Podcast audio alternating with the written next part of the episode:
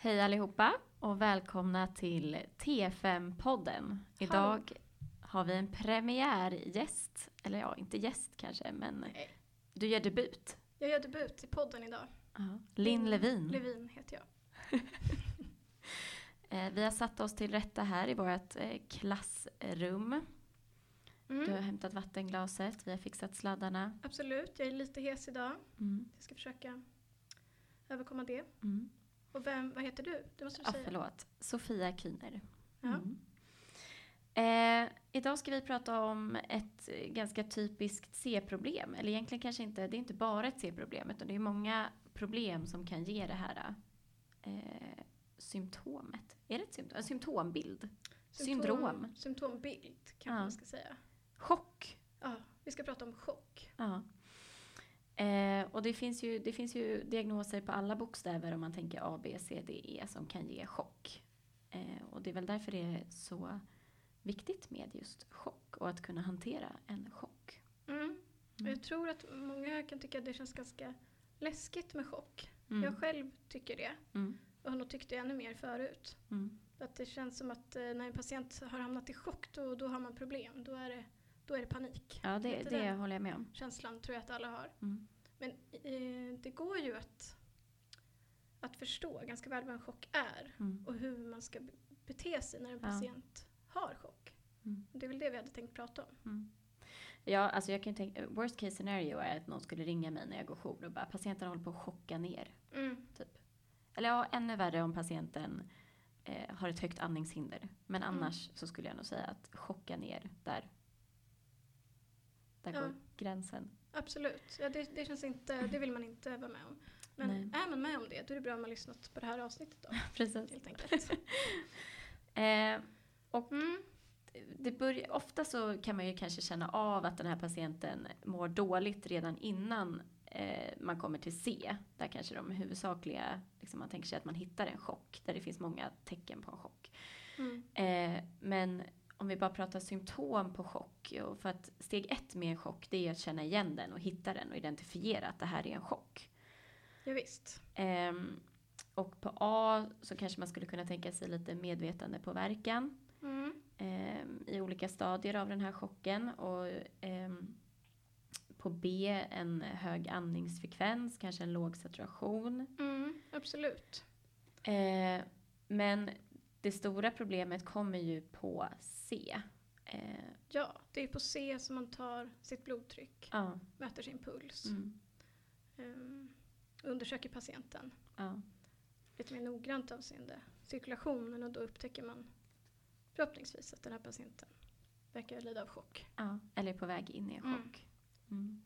Nu har vi inte ens sagt vad en chock faktiskt är, Nej. rent definitionsmässigt. Men då säger vi det nu. Ja. Eh, en akut cirkulationspåverkan Mm, som gör att man får hypoxi i vävnader, helt enkelt. precis. Ja. Mm, Och det är liksom slutsteget, eller det mest fruktade på, efter chock är ju att det kan ge multiorgansvikt, eller i värsta fall död. precis. Mm. Och det sker ju då för att det är en otillräcklig perfusion Mm. um, med syresatt blod ut till vävnaderna. Mm. Men om vi sa nu då att steg ett är att känna igen en chock. Vi pratar om eh, lite signaler på A och B. Mm. Vad kan man tänka sig för eh, symptom på C när man har en chock? Ja, det finns ju många olika symptom. Jag tänker om vi går igenom lite, um, vi försöker dela in det man undersöker under C Mm. eh, i de här olika kategorierna som vi har pratat en del om Mm. eh, redan på terminen. Mm. Det är ju för att repetera först en inspektion, sen en auskultation, en palpation och eh, sen har man sina vitalparametrar. Mm. Och eventuella andra utredningar, Absolut, prover och sådär. Men det är ju men- första. Ja, precis. Och har man då en chock, alltså är patienten i chock, eh, då har ju patienten ett lågt blodtryck, alltså en hypotension. Eh, de flesta har ju under 90 systoliskt när man börjar säga chock. Men Mm. tänker man sig att patienten kanske är hypertoniker eller sådär i botten så kanske man får börja misstänka chock även vid liksom större blodtrycksfall. Absolut. Ehm, en patient i chock har ju också då kanske eh, kliniska tecken på alltså hypoperfusion i organen. Det kan vara huden, man är ofta kall, eh, har nedsatt kapillär återfyllnad eh, och cyanos kan man ha. Mm. Eh, man kan ha ett urinstämma, alltså att njurarna slutar fungera, man producerar ingen urin. Eh, och patienten kan också vara förvirrad eller medvetandepåverkad. Eh, Precis. Och det ju, skulle ju då vara exempel på hypoperfusion av organen hud, njurar och. CNS. ja, Hjärnan ja, helt enkelt. precis. Ja. Och sen så får man ju då också av hypoxinet i sina turbogas en förhöjd laktat. ja. Mm. Och varför får man det då?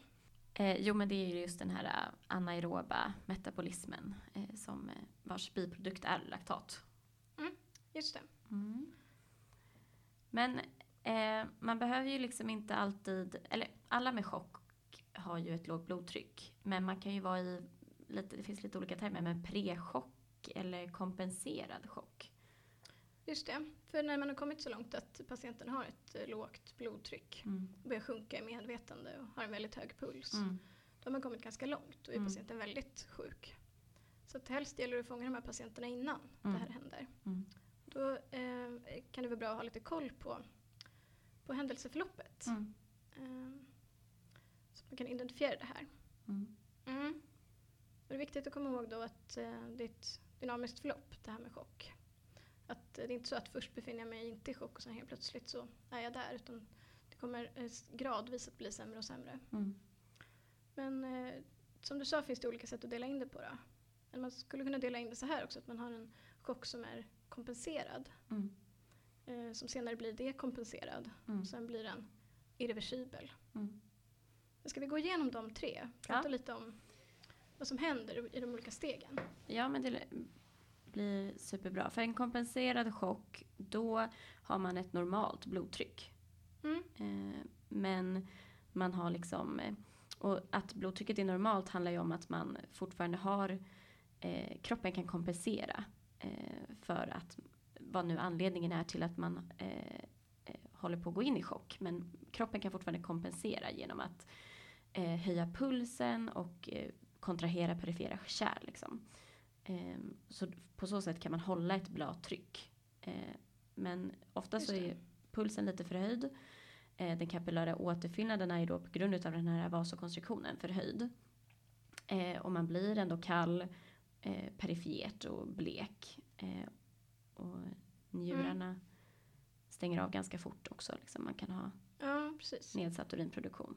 kanske blir tjatigt men, ehm, men en chock är ju som vi sa innan per definition att eh, man får för dålig organperfusion. Helt Mm. enkelt att det är för lite blod som cirkulerar till organen. Mm. Och då får man ju, om, om man bara skulle få det och de här kompensationsmekanismerna inte skulle kicka in, då skulle Mm. man ju få ett lågt blodtryck Mm. ganska direkt. Mm. Så att det, det, som, eh, det som gäller att man ska förstå liksom, i den här kompenserade delen av en eh, chockindelning, det är ju att, eh, att du har en påverkan på blodtrycket Mm. egentligen, men så har du kompensationsmekanismer som ändå Mm. upprätthåller blodtrycket. Mm. Och det är ju de som du sa.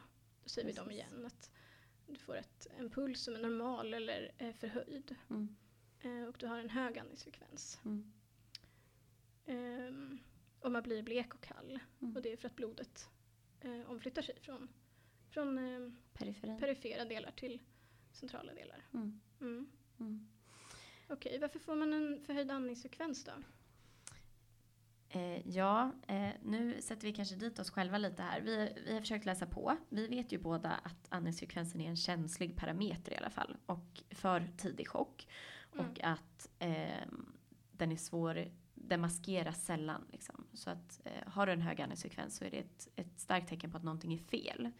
Sen så verkar det ju finnas lite flera anledningar, inte olika teorier utan flera anledningar till varför andningsfrekvensen går upp.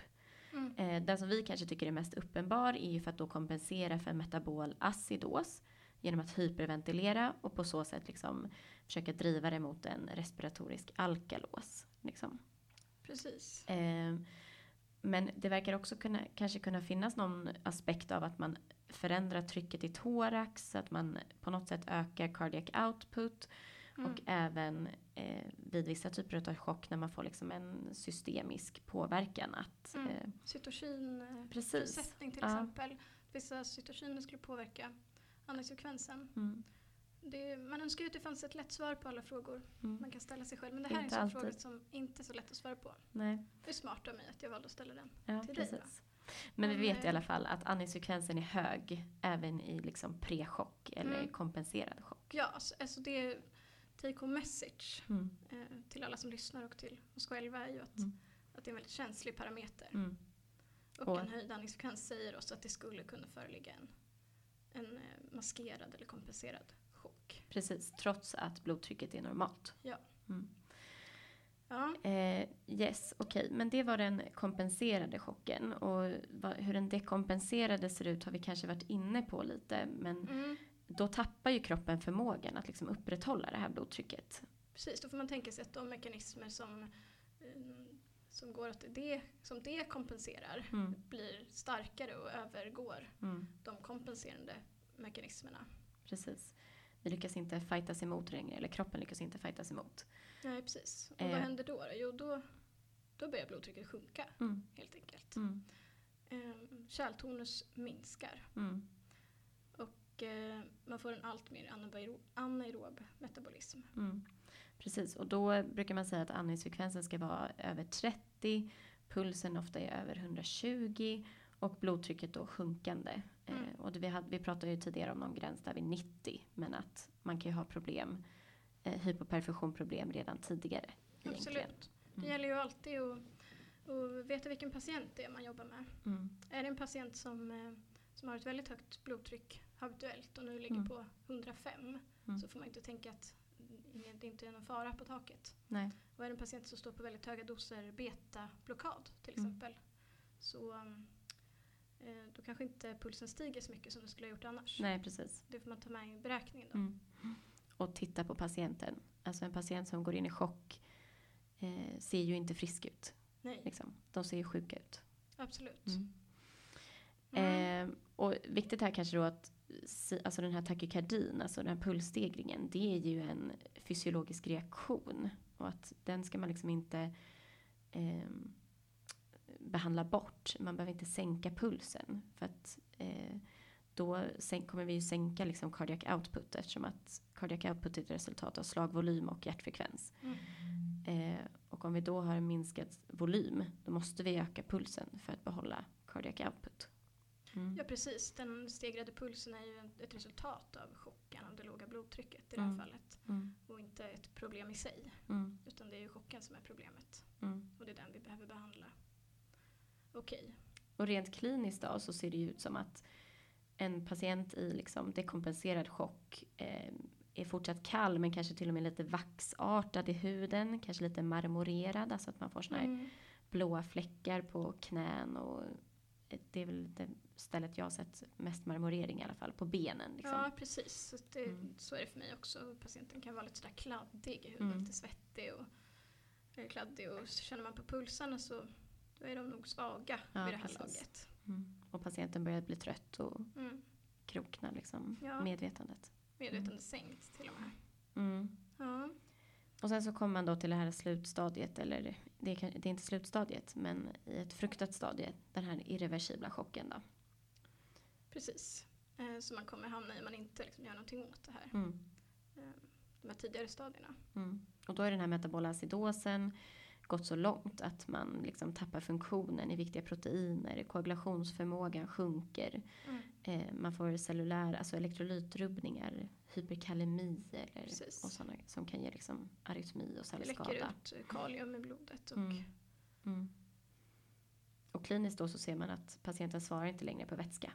Nej. Eh, och i riktigt sena stadier så kanske pulsen börjar sjunka och andningsfrekvensen börjar sjunka. Mm. För att man liksom tappar förmågan att upprätthålla kompensatoriska mekanismer ännu mer. Precis, för Mm. de eh, cellerna i kroppen som, som gör de här sakerna är så pass skadade i det här Mm. laget. Och som du sa innan, blodet har ingen förmåga att koagulera på samma sätt. Och man brukar säga att man har ett laktat på över 8 i Mm. det här irreversibla stadiet. Mm. Mm. Bra. Då har vi gått igenom lite hur eh, chocken ter sig Mm. kliniskt. Mm. Och eh, då ska vi gå in lite på vilka typer av chock det finns. Mm. För nu har vi bara sagt eh, chock hittills. Mm. Och det första man tänker på, eller det första jag tänker på när man pratar om chock, det är nog en blödningschock. Mm. Eller det som heter hemorragisk chock. Mm. Men det finns fler chocker. Precis, man brukar dela in dem i fyra olika huvudgrupper. Den hypovolema chocken, där man liksom har en för liten cirkulerande blodvolym helt enkelt. Och det är det som ger hypoxin. Mm. Eh, och det finns olika typer av hypovolemchock. Den här som du pratade om, blödningschocken. Eh, men sen så finns det även andra orsaker, alltså icke-hemorragiska orsaker till att du har för liten cirkulerande blodvolym. Ja, precis. Så det kan ju vara om man är väldigt allvarligt dehydrerad till Mm. exempel. Mm. Man helt enkelt har förlorat så mycket vätska. Ehm, man har fått i sig väldigt lite vätska per oss till exempel. Mm. Man har kräkts upp väldigt mycket. Mm. Man har en gastroenterit. Mm. Eh, har man en allvarlig brännskada så förlorar man mycket vätska Mm. genom eh, sin brännskada också.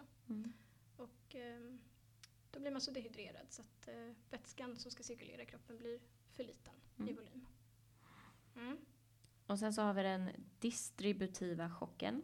Eh, där inte blodvolymen kanske i sig är för liten. Men eh, rummet, rummet som det ska fylla ut är för stort. Alltså att du har en kraftig vasodilatation.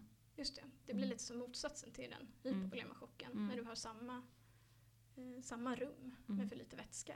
Men i den distributiva då har du samma mängd vätska men ett för stort rum för den att cirkulera i. Mm.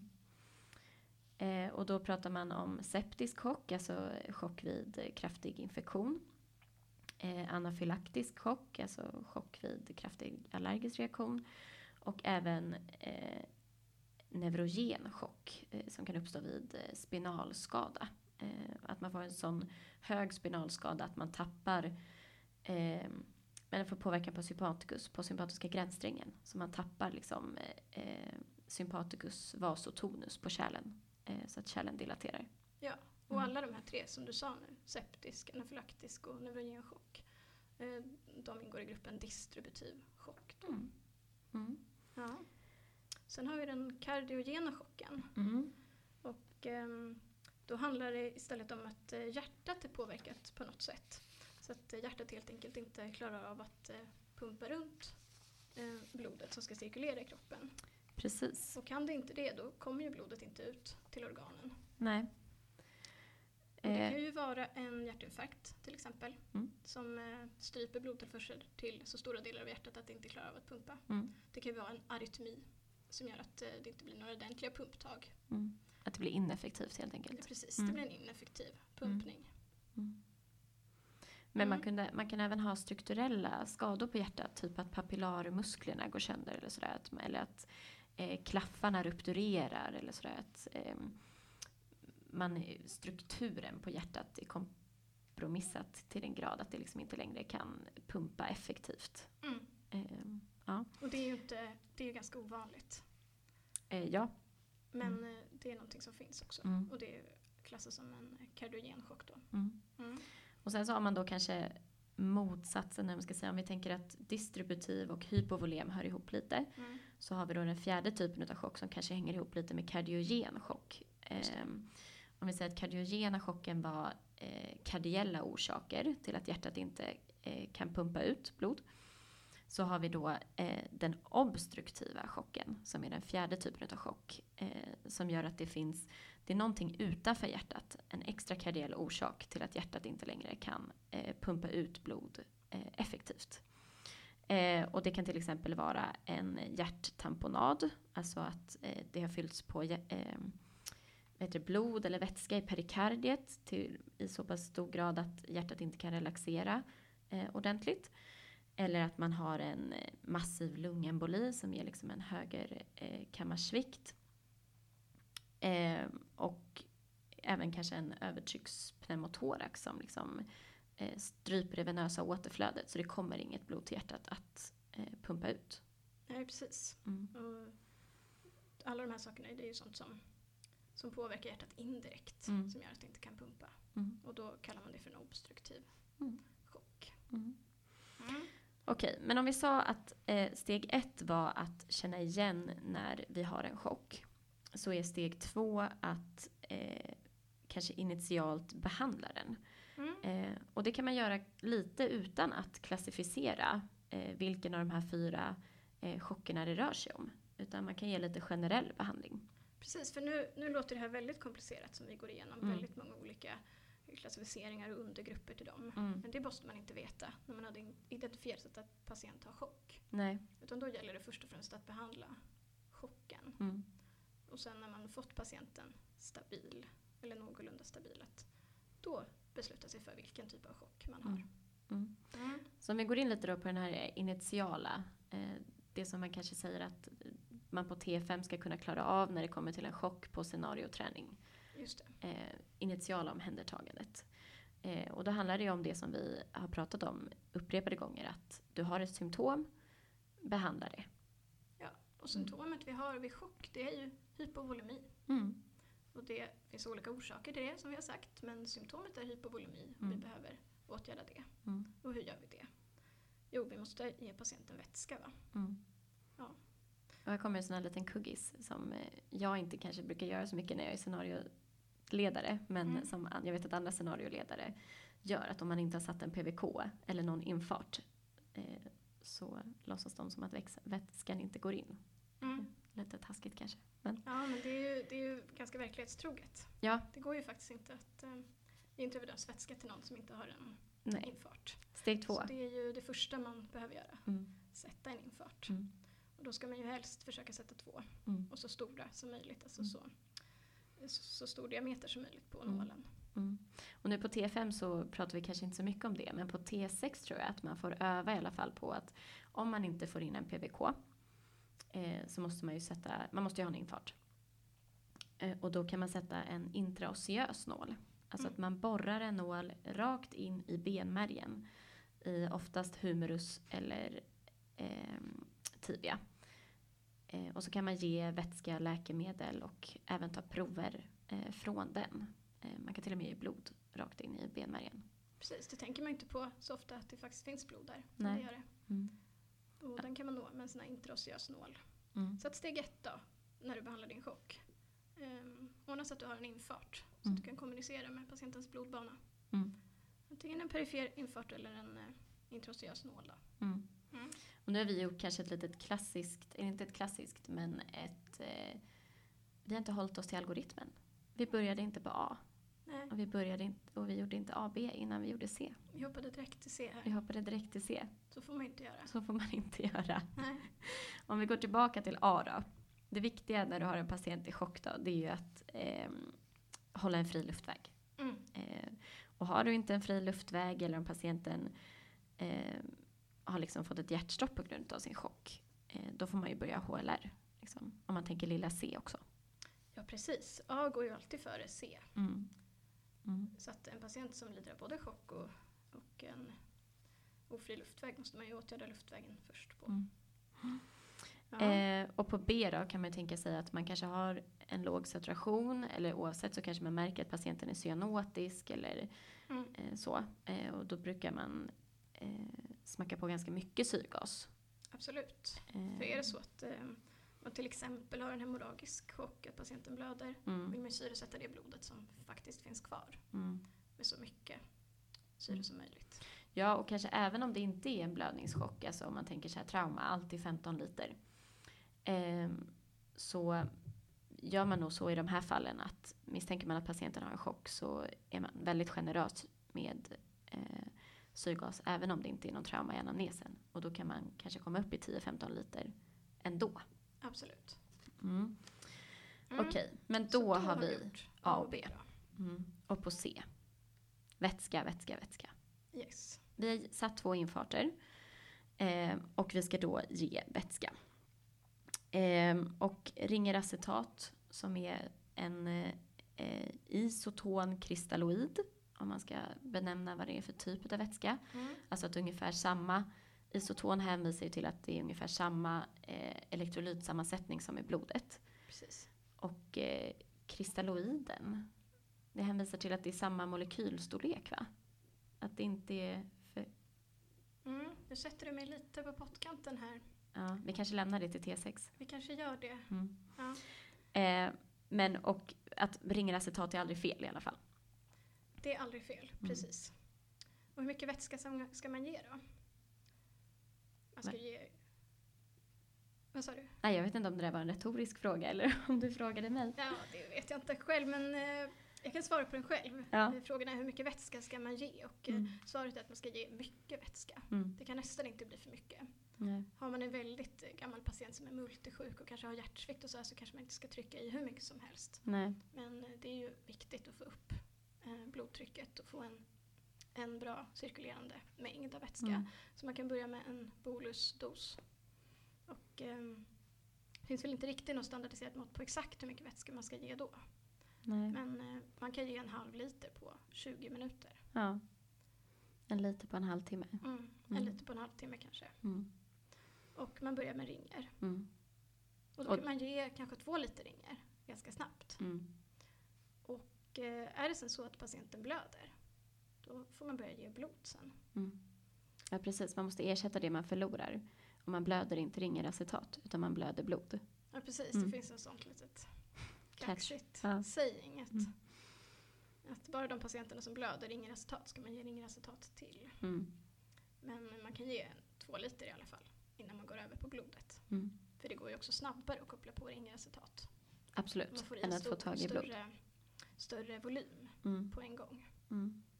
Mm. Det finns ju förutom de här då som man kanske misstänker antingen kardiogen chock och där hjärtat sviktar eller att man har en multisjuk patient i botten där man inte tror att hjärtat klarar för mycket vätska. Ehm, så är det ju även de som kanske man misstänker har en pågående blödning. Eh, så man ska vara lite försiktig med vätska. Ehm, Absolut.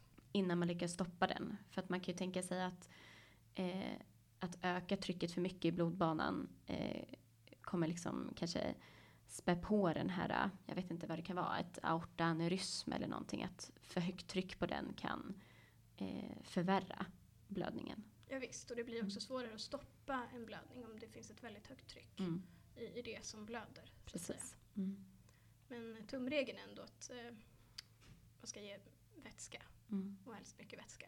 mm. Och här kan vi också påminna om att reevaluera. Mm. Att det är viktigt att när man har gett vätska eh, att reevaluera om patienten svarar på vätska. Eller är patienten inkompenserad? Eh, och man kanske behöver eh, vidga ännu eh, ytterligare åtgärder. Patienten kanske inte eh, bara kan få extra eh, volym på det sättet utan man kanske behöver ta över patientens cirkulation. Patienten behöver kanske opereras mer akut eller så. Eh, och då kan man utvärdera, reevaluera sin vätsketillförsel med antingen eh, kapillär återfyllnad. Mm. Eh, har, svarar patienten på vätska. Eh, kanske ett blodtryck kan man också, kanske lite senare att, man, att blodtrycket stiger. Eh, eller det som akutläkarna älskar, ultraljud. Just det. Men det var väl du Sofia som lärde mig häromdagen att eh, kapillär återfyllnad är ett av de bästa sätten, om inte det bästa sättet att utvärdera Ja, vätskebehandling. Det verkar finnas en liten eh, specialitetsstrid här. Att eh, Mm. narkosläkarna gillar kapillär återfyllnad och akutläkarna gillar eh, ultraljud. Just det, men vi kan säga att det som, som jag föredrar av dem, det kanske är kapillär återfyllnad då, för jag tror att jag är bättre på att, eh, på att testa kapillär återfyllnad än att göra ultraljud. Eh, ja, jag känner mig inte bekväm med att bedöma liksom, vena cavas fyllnadsgrad med ultraljud. Det kan jag inte Precis. säga att jag eh, är bekväm med. Inte jag heller, så att, då rekommenderar vi kapillär återfyllnad Ja, som test där. yes. Jaha, och då har man eh, givit den här behandlingen och reevaluerat. Mm. Och är det så att man inte har en patient som befinner sig i den här irreversibla stadiet Mm. av chocken så svarar eh, kroppen förhoppningsvis på Mm. given behandling. Mm. Eh, och Då på, gäller det ju att, att förstå lite vad det är för typ av chock patienten har. precis. Eh, men och innan, och det gör man, det kanske man får signaler om när man gör sitt ABCD. Eh, men om vi bara tänker generella åtgärder även på de andra bokstäverna eh, så kanske inte så många på D. Eh, men på E så är det viktigt att hålla en chockpatient varm. Eh, de får inte bli hypoterma också. Nej. för det spär ju liksom på den här stressen på, chock, eller på kroppen. Liksom en, och koagulationsrubbningar och liksom sådana grejer. Just det, man kan ju till exempel värma en del av den vätskan man ger till patienten. Precis. Eh, och sen så ibland så, eh, det är ju ganska ångestladdande att eh, ha en chock. Eh, och eh, i många fall så kanske orsaken till chocken kan vara smärtsam eller eh, ännu mer ångestladdande. Och ibland så kan det vara indikation att smärtlindra liksom, för att patienten ska må bättre. Liksom. Precis. Ja, okej. Mm. Det var generella åtgärder. Eh, och på generella åtgärder får man ju inte heller glömma då att eh, ta lite prover. Alltid en artärblodgas såklart. Eh, och eh, sen kanske lite mer eh, riktat om man har någon känsla för vad det här kan vara. Men vet man inte varför patienten är i chock då måste man ju odla och eh, ta hjärtskademarkörer och ehm, kanske ett leverstatus och elektrolyter och sådär. Så att eh, man tänker brett under sitt ABCD Absolut. när man har en patient i chock. Mm. Mm. Okej, steg ett var att vi ska känna igen eh, när vi har en chock. Eh, och det har vi pratat om.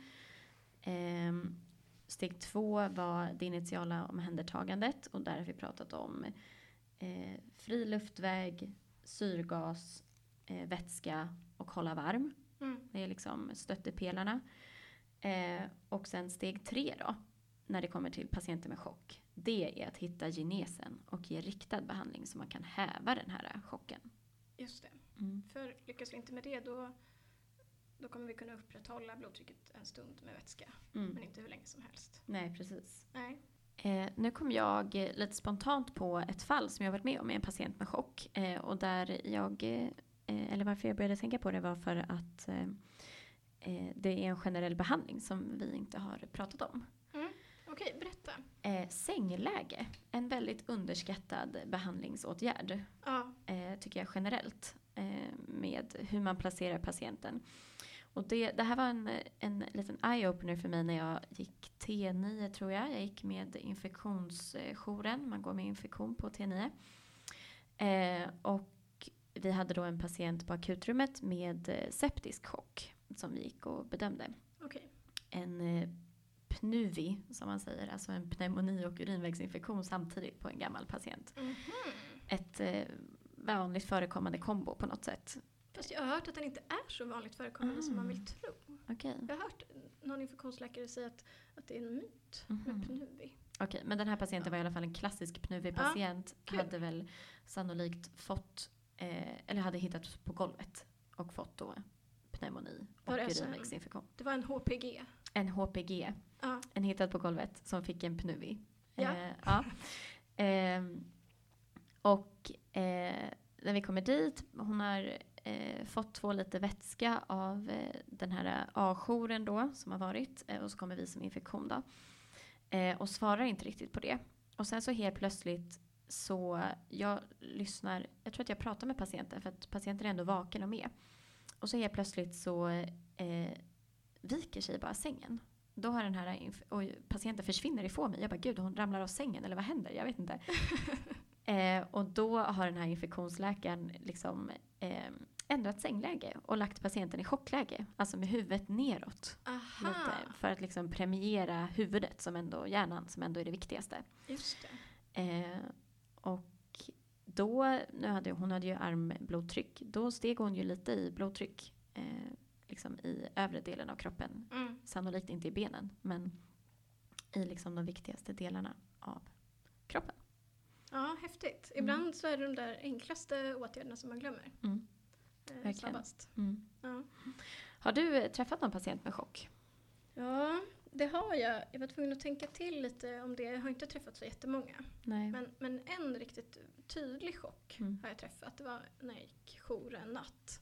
Och då blev jag larmad till en avdelning där det var en patient som hade ett hjärtstopp. Mm. Och eh, det var en patient som hade börjat eh, kräkas blod Mm. ganska plötsligt. Mm. Och det var, ja, det var väldigt tydligt att det var en blödningschock för det var blod överallt Mm. i, i hans säng. Och, så här. Och det, var, det kom upp koagler i, ur halsen. Mm. Eh, och narkosläkaren var där. Det tyckte jag var väldigt skönt. Ja. För så många hjärtstopp har jag inte hanterat. Nej. Men då, ehm, då gjorde vi precis sådär som vi pratade om. Att vi gjorde ju såklart HLR eftersom patienten Mm. hade hjärtstopp. Mm. Nej, så här var det faktiskt förresten. Att han var eh, nog, eh, han hade en andning när Mm. vi kom och sen så fick patienten ett hjärtstopp när vi var där. Mm. Men Mm. ehm, jag var väldigt imponerad av narkosen den gången för då hade vi redan kopplat upp patienten på hjärtstartare och Mm. började göra Mm. HLR direkt för att Mm. narkosen var ju nark- rutinerad och visste ju att det här kommer bli ett hjärtstopp. Mm. För det var ju en uppenbar blödningschock. Det var mycket blod som hade kommit ut. Och patienten hade inga palpabla pulsar. Mm. Eh, Så då satte vi eh, intraosseösa nålar Mm. Mm. eh, och försökte trycka i patienten vätska Mm. genom dem. Mm. Först eh, ringer och sen så var det någon som hade sprungit och hämtat blod också. Och det, i det fallet var det ju väldigt tydligt vad det var för typ av chock. Ja, Då precis. ställer man sig inte och funderar, kan det vara en anafylaxi? När det är blod i hela sängen? Nej, alltså jag tror att man kanske eh, innan man har varit med om det så kanske man föreställer sig att det är lite mer lurigt och det finns säkert luriga fall. Men ibland så är säkert, eller oftast är ju orsaken till chocken eh, uppenbar eller i alla fall lätt att hitta om Mm. man gör sitt ABCD. Absolut. Ehm, Men ska vi prata lite om det? Vad är det man ska titta efter då? Mm. När man letar? Eh, absolut. Ska vi Eh, börja med den där, med den där klassiska hypovolemchocken? Precis, och då kan vi repetera igen då att hypovolema chockar antingen en blödningschock eller en icke eh, hemorragisk hypovolemchock. Ofta liksom kraftig dehydrering. Mm. Liksom, du har förlorat eh, vätska på något annat sätt än eh, blod. Typ Just. kräkning eller så. Eh, Okej, Linn, du har ju redan varit inne på det och du är väl lite försprång då. Men om du bara ska tänka så här, vilka specifika symptom kan du tänka dig vid en blödningschock eller vid en hypovolemchock? Mm. Ja, men det, det, först, det jag tänker först är ju då om det är något uppenbart eh, sår eller det kommer Mm. ut, jag ser en massa blod som på Mm. den där patienten jag berättade om. Mm. Eh, men så tittar jag också efter om det verkar ha försvunnit väldigt mycket vätska från patienten, alltså om patienten verkar vara dehydrerad, om det är otroligt torra slemhinnor. Mm. Det kanske är en väldigt eh, hög, eh, eller vad heter det, hög utdragen hudturgor Mm. Mm. eh, som talar om för mig att patienten är dehydrerad. Mm. Det skulle också kunna vara så att eh, patienten antingen berättar eller får information på något annat sätt om att den har väldigt skral urinproduktion. Mm. Man kanske sätter en kateter och det kommer Mm. ingenting. Nej, precis. Då vet jag ju också att, att vätskan är någon annanstans än i Mm. patientens eh, njure och urinvägar. Mm. Mm. Och det skulle kunna handla om en, en eh, hypovolemchock då. Och det gör man ju ofta på akuten, sätter, eh, alltså på chocker på akut, akutrummet, sätter en kateter med urinmätning så att man på riktigt kan mäta i milliliter hur stor urinproduktion det är per timme. Just det, och det talar jag om jättemycket. Mm. Och sen de här sakerna vi sa innan såklart. Att jag har en ökad kapillär återfyllnad. Mm. Jag har en blek och lite kallsvettig patient Mm. Mm. eh, som är kall. Mm. Eh, då vet jag att det finns inte speciellt mycket blod perifert. Nej. Och vid trauma så kanske man eh, också ska göra då 4B, vart blöder det? Absolut. Mm. Vart blöder det? Om jag misstänker misstanke om att det blöder så måste jag ta reda på det. Mm. Jag gör mina 4B. Jag kanske vänder på patienten för att se på Mm. baksidan. Mm. Mm. Och vi var inne lite på det här med specifik behandling, men vi kan ju repetera det igen, att eh, man ska ersätta blod med blod, så att man ger blod och inte ringeracetat i liksom, eh, mer än en, två liter till de här patienterna som blöder. Absolut. Men sen så är ju den största eh, behandlingen mot en blödningschock är att stoppa blödningen. Ja, Eh, exakt. och det kan ju vara reponera frakturer eller sätta en sån här eh, tourniquet heter det på bäckenfrakturer. Mm. Alltså att man stryper blodflödet. Eh, Just det. Så.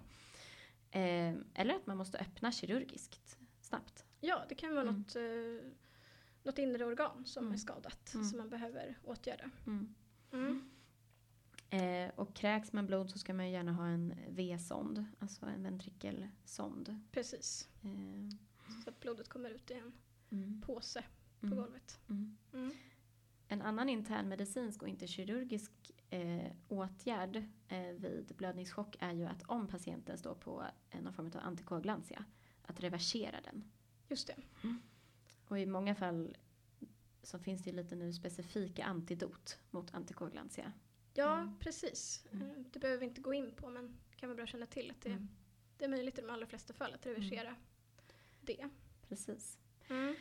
Eh, Okej, Okej. det var Då- blödningschocken. Vi hade ju liksom lite de här grupperna, vi hade klumpat ihop dem. Mm. Hypovolemchock och så tyckte vi att dess motsats var distributiv chock. Mm. Eh, kan inte du berätta lite då? Vad vi kan leta efter specifikt där? Ja, och alltså, de distributiva är ju ganska spretiga. Det enda de har gemensamt är ju egentligen den här vasodilatationen. Men om vi börjar med den septiska chocken då.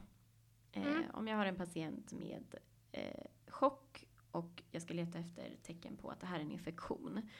Eh, då tänker jag ju mig eh, att är det en pneumoni så skulle man kunna tänka sig eh, lungbifynd, alltså rassel på ena lungan.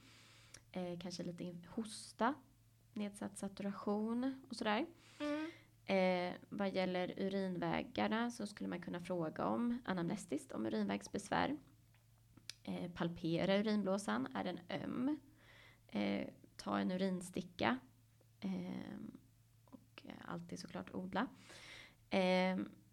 Man skulle kunna tänka sig att det skulle kunna finnas ett sår som ser fult och infekterat ut. Eh, om det är en meningit så skulle patienten kunna vara nackstyv. Eh, vissa infektion, bakteriella infektioner ger ju såna här petecker, alltså små kärlblödningar i huden. Eh, som man kan se. Som inte går att trycka bort Nej, precis. med något genomskinligt emellan där. Nej. Och man Nej. tänker sig också att en infektionspatient har ju oftast feber. Ja. Eh, och ett förhöjt CRP. Så du letar helt enkelt efter tecken på infektion? Mm. Ja. Mm. Eh, och hittar man tecken på infektion eh, så får man ju behandla. Och då så är det ju odla och sen antibiotika inom 30 minuter. Brett Mm. spektrum. Då sitter det in något ganska brett Väldigt brett. eftersom det är en sjuk patient som Mm. befinner sig i, Mm. i septisk chock. Mm. Eller på väg in där. Mm. Eh, Okej, fler distributiva chocker då när vi får en, eh, en eh, vasodilatation. mm. Den anafylaktiska. Jajamän. Mm. Vad har du för tecken på det då Linn? Ja, men då eh, framförallt, eh, eller tydligast är ju om det är en patient som säger till mig att den har fått i sig någonting den är allergisk mot. Mm. En ganska tydligt tecken. Absolut. Sen vet man ju inte alltid det. Det kan vara så att patienten inte kan svara på frågor eller Mm. Inte är kontaktbar. Mm. Och då letar jag efter andra tecken som hör ihop med eh, anafylaxi. Mm. Och det är ju ehm, att man svullnar igen i halsen. Mm. Då får man ju det som kallas för stridor. Mm. Eh, I allra värsta fall att det väser när man andas ut. Man kan få ronki som ju Mm. också är ett tecken på eh, ihopdragna luftvägar. Mm. Eh, ödem Mm. får man. Eh, det kan vara eh, angioödem, alltså svullna luftvägar, Slemhinnor. läppar, Mm. slemhinnor, slemhinnor. Mm. Och det kan vara urtikaria, alltså ödem på överkroppen. Mm. Eller urtikarien är väl bara utslaget egentligen? Ja, jag sa ödem. Jag menar Mm. såklart att det är ett utslag. Mm. Eh, Men jag brukar klumpa ihop det lite med ödem när jag tänker på det eftersom det Mm. är ganska liksom bulliga utslag. Ja. Ja, Mm. men, eh, men urtikaria är ju inget ödem. Nej, det är en rodnad. Det är en liksom. rodnad, ett Mm. utslag. Mm. Ja. Och om patienten har klåda, om patienten kliar sig Mm. så hänger det också ihop med anafylaxi. Mm. Och, eh, symptom från mag och tarmkanalen kan man få buksmärta, kräkningar, diarré. Man Precis. har anafylaxi också. Och det beror ju på lite ungefär vilken grad av anafylaxi man har. Just det. Eh, och när det kommer till grader av anafylaxi så kommer vi ju osökt kanske in på då behandling av anafylaxi. Ja, precis. Och då fick jag ganska nyligen här lära mig en minnesramsa av dig. Mm. Som lyder avokado. Mm. Och du Och då- sa att du inte var något fan av minnesramsor. Nej. Så nu blir det verkligen ett test med mig här och se om jag kommer ihåg vad bokstäverna står för. Mm. Jag tror att jag vet ungefär vad man ska, eller jag vet hur man behandlar en anafylaxi. Mm. Så jag får gissa. Då har vi A först i avokado. Mm. Och då tror jag att det står för adrenalin. Yes. För det är ju det man ger först. Och gärna EpiPen för det är enkelt att dosera. Exakt, för det är redan Mm. doserat Mm. i pennan. Mm. Okej, så vid en chock, anafylaktisk chock så ger man adrenalin. Mm. Sen har vi V. Det tror jag står för volym. Mm. Ja, Eller vätska. vätska eller Mm. volym då. Mm. Ja, ger du patienten vätska. Mm. Okej, O, det tror jag står för Oxygen. oxygen. Okej. Syrgas. ja, Ja. ja, då ger vi patienten syrgas, absolut. C, det tror jag står för ehm, eh, alltså kortison. Mm. Mm, Yes. Corticosteroids. just det, på Mm. engelska det här. Mm. Kortison där. Och sen på A, då eh, borde det vara antihistamin. Mm. Det är man i tablettform. Ja, eller intramuskulärt. Ja, det kan man ju eller, ge, absolut. Just det. Mm. Mm. Och sen har vi D och O och då, det var det du lärde mig att det står för diagnos och observation. Mm. Och det var ju det du var inne på lite innan att beroende på hur man diagnostiserar patientens anafylaxi, om det är en anafylaktisk chock eller om det är en eh, anafylaxi grad 1, 2 eller 3. Mm. Beroende på vilken grad eh, man hamnar i där så ska man observeras olika länge och på olika sätt. Yes. Eh, jag tycker det var en väldigt bra ramsa det där. Mm. Mm. Vi slänger oss ju med många sådana här äh, mnemonics, eller vad det, hur det uttalas, Ja, i akutsjukvården. just det. Eh, yes, okej. Eh, Men den, den sista här nu då på distributiva chockerna. mm. Det är är ju också kanske då den ovanligaste och den för terminen mest irrelevanta. Absolut, jag har Mm. aldrig träffat någon patient med en, en neurogen chock. Nej, precis. Och en neurogen chock, det var vi inne på, det är att man får en hög ryggmärgs, eh, eller ryggskada så att man får ett, eh, man pajar sympatiska gränssträngen eller sympaticus tonuset. Mm. Ehm, och den ser liksom inte riktigt ut som de andra chockerna heller. Man blir inte kall, man får inte förhöjd eh, kapillär återfyllnad eftersom att man är vasodilaterad. Och det pratade vi riktigt, inte riktigt om eh, med eh, den här septiska chocken heller. Nej, Att de är ju ofta varma perifert eh, och kan ha liksom en väldigt snabb kapillär återfyllnad. För de har ju den här cytokinstormen eh, som gör att eh, alla kärlen är liksom vidöppna.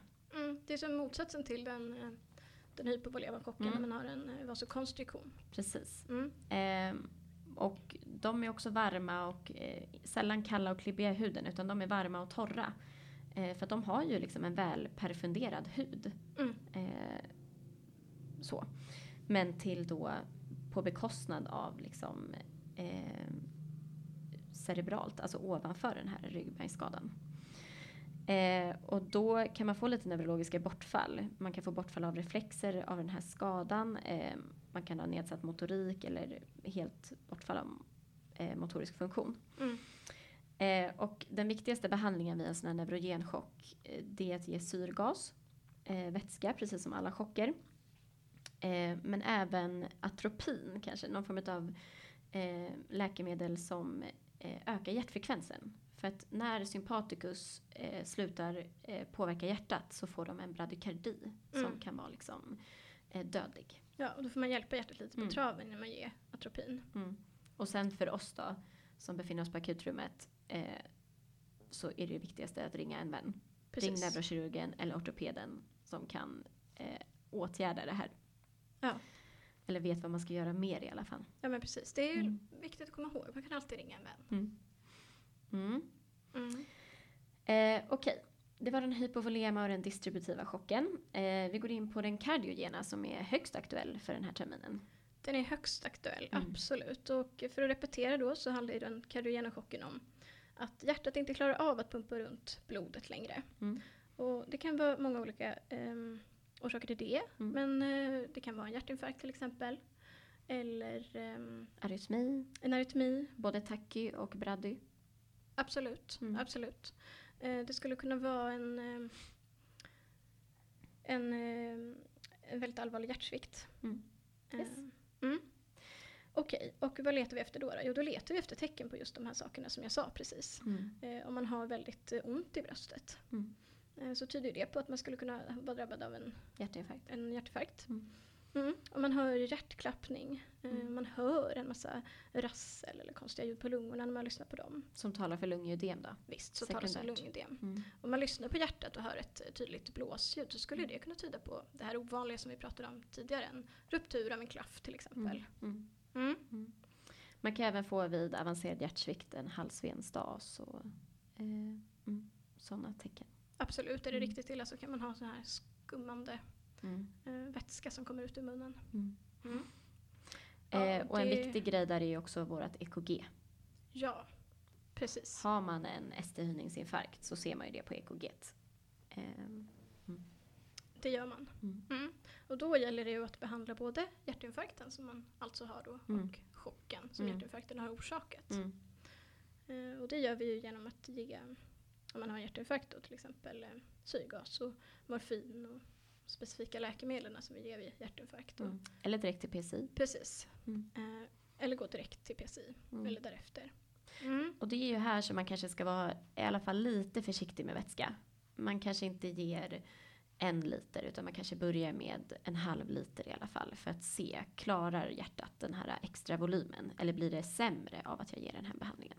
Exakt, för Mm. problemet här är ju att hjärtat har problem att pumpa. Mm. Mm. Mm.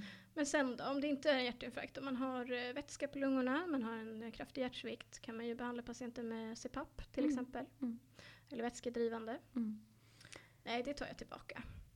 Jag tror inte att jag vill ge vätskedrivande här på Inte den till här chocken patienten kanske? som har en chock. Nej. Eh, Det gäller ju mer generellt vid hjärtsvikt. Ja. Eh, Och har man en eh, arytmi så kan vi behöva reglera rytmen med något läkemedel till exempel. Mm. Mm. Eller om man har en väldigt låg hjärtfrekvens så kanske man, precis som de gjorde i det här fallet där du hade ditt hjärtstopp, att man sätter på defibrillator, eh, vad heter det, pads, inte pads, det heter Pla- plattor, Plattorna. eh, Ja, eh, så att man är beredd. Eh, att man kan också pacea utifrån redan från början, alltså att man har en extern pacemaker. absolut. Mm. Det kan man göra. Mm. Men det är ju också ovanligt. Ja, det är ovanligt. Men jag hade faktiskt en sån patient en gång eh, Mhm. när jag jobbade som, som fick ett eh, hjärtstopp Mm. och sen gick in i en riktig bradykardi. Mm. Och han fick faktiskt en pacemaker sen bara någon halvtimme efter det här. Ja, det Ja. var snabbt. Ja, det, var inte, det var inte jag som, Nej. som satte in den och sådär. Nej. Det var ett exempel. Eh, Okej, den sista typen av chock då, den obstruktiva chocken. Ja, Där blir ju de specifika symptomen väldigt beroende på vad är problemet. Vad är det som är liksom den här externa orsaken till att hjärtat inte får blod och in, eller inte kan pumpa blodet effektivt. Eh, om man tänker sig den här tamponaden då som vi pratade om, att hjärtsäcken är fylld med blod. Eh, då får man ju svikttecken. Man får halsvensstas. Man får också svaga hjärttoner för att hjärtat eh, öppnar och stänger sig i, mindre grad.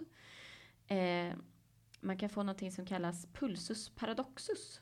Alltså att när du tar djupa andetag så eh, sjunker blodtrycket. mm. Eh, och det är för att du ökar trycket i thorax då och då blir det ännu mer komprimerat eh, hjärtat. precis.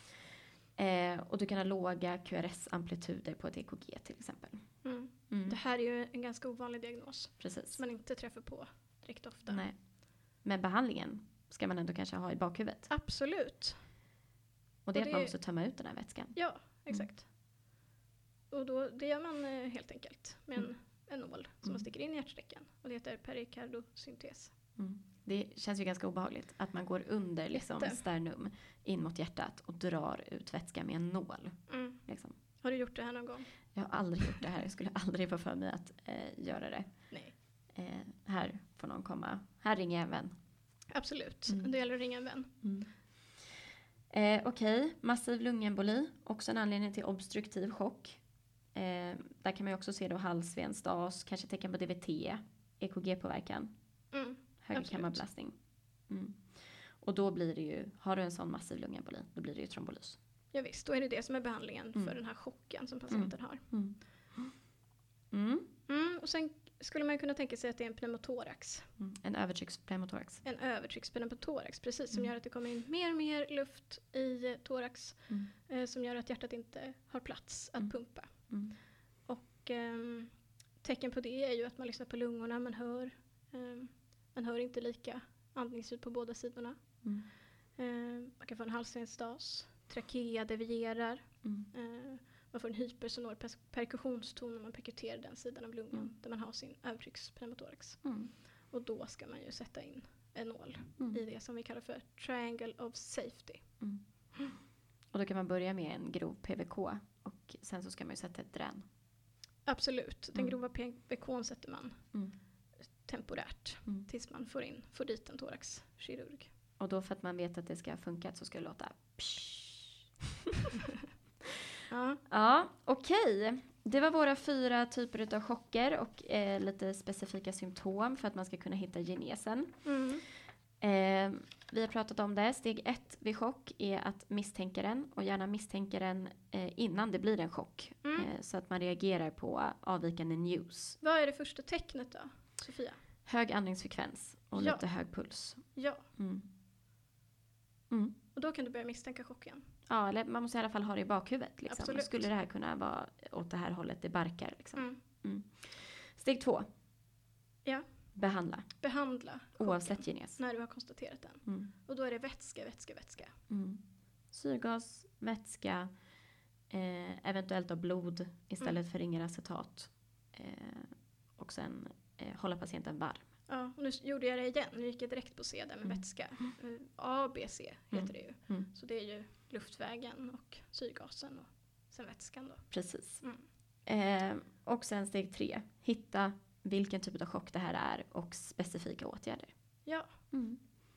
och då kan man förhoppningsvis behandla sin patient Ja. och dess chock. Mm. Ja. Det kanske var allt vi skulle säga om de här chockerna. Jag tror att det var allt vi skulle ja, säga. Det var inte så lite. Nej. Hur kändes det då att vara med i podden? Jag tycker att det var kul. Mm. Jag känner mig ganska cool med de här hörlurarna Ja, framför den här jättestora mikrofonen. Ja. ja, det kan vi göra om. det kan vi göra om. Mm. Tack för idag, slut för idag. Ja, men ska vi inte säga också att eh, se till oss om det är något speciellt ämne ni vill ha en Ja, podd just det. Mm. Mm. Gör det. Har du stängt av nu? Nej. Nej. Okej, då säger jag det nu. Om det är något speciellt ämne som ni vill höra om i podden som ni tycker är svårt. Eh, säg till oss, mejla Ja. oss eller haffa oss i korridoren. Mm. Så fixar vi det. Då fixar vi det. Tack Ja. för idag. Tack själv. Hej. Hej då.